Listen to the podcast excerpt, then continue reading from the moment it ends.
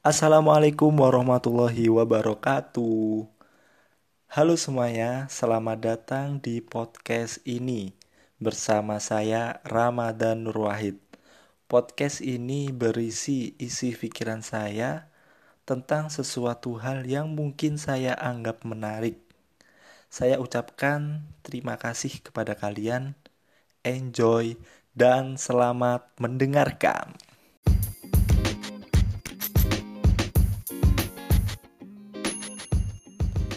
Di podcast kali ini, saya akan membahas tentang sebuah permasalahan sosial di kalangan remaja, yaitu tentang pernikahan dini. Di dalam permasalahan ini, saya akan membahas dari dua perspektif. Yang pertama, menurut pandangan Islam dan hukum konstitusi pernikahan di Indonesia. Sebelum kita membahasnya lebih jauh, Alangkah baik kita mengetahui apa sih pernikahan dini itu? Ya, pernikahan dini menurut Undang-Undang Nomor 16 Tahun 2019 sebagai perubahan atas Undang-Undang Nomor 1 Tahun 1974 tentang perkawinan yaitu adalah perkawinan di bawah usia 19 tahun. Ada fakta menarik tentang pernikahan dini di Indonesia.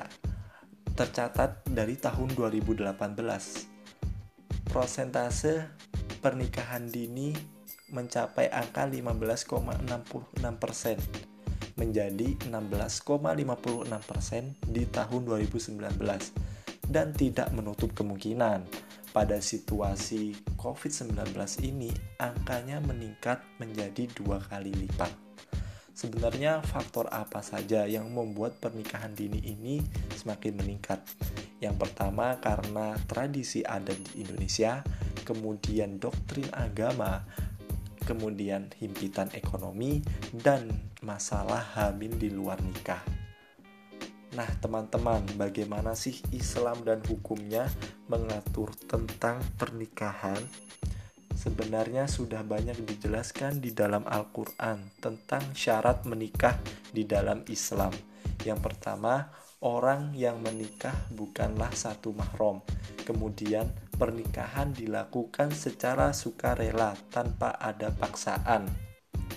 Yang terakhir, orang yang sudah akhir balik, yaitu laki-laki atau perempuan yang sudah dikenai beban minimal berumur 9 tahun dan sudah mengalami mimpi basah.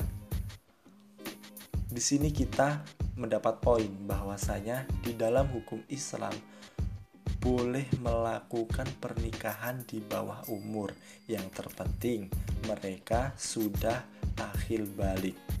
Mungkin dari sinilah banyak keluarga dari muslim yang melakukan atau mempercepat anaknya untuk segera menikah dengan alasan supaya anaknya terhindar dari perbuatan zina, tentang pacaran, tentang pergaulan bebas, maka mereka lebih memilih untuk segera menikahkan anaknya. Tapi dengan melakukan ini, apakah kita bisa dikatakan sebagai orang yang tidak patuh atau mengabaikan hukum konstitusi undang-undang pernikahan di Indonesia? Ataukah pernikahan dini ini membawa bencana atau malah membawa pahala? Selanjutnya kita berkaca pada peraturan perundang-undangan tentang pernikahan di Indonesia. Menurut pasal 2 ayat 1 Undang-Undang Nomor 1 Tahun 1974 bahwa perkawinan adalah sah apabila dilakukan menurut hukum masing-masing agamanya. Nah, peraturan perundang-undangan pernikahan yang pertama di Indonesia ini adalah hasil kombinasi kompilasi hukum Islam.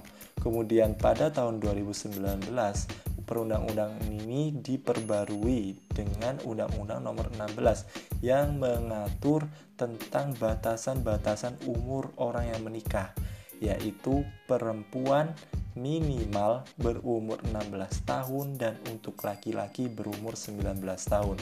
Jadi sudah jelas bahwasanya negara tidak mendukung atas pernikahan dini.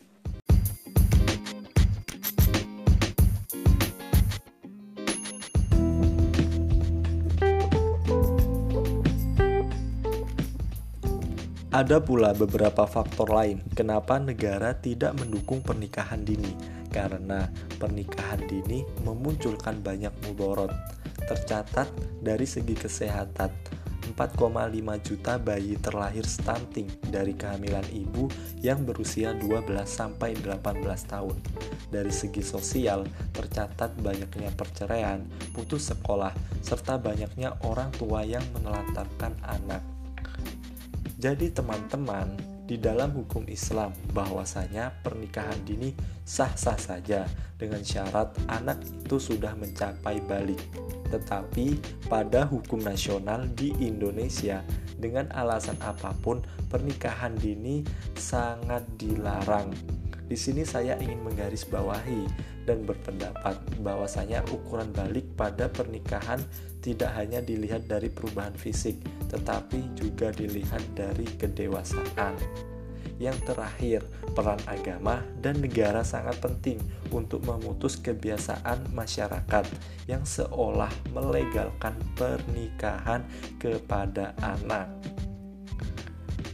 Mari kita putus mata rantai pernikahan dini demi terciptanya sumber daya dan negara yang tangguh.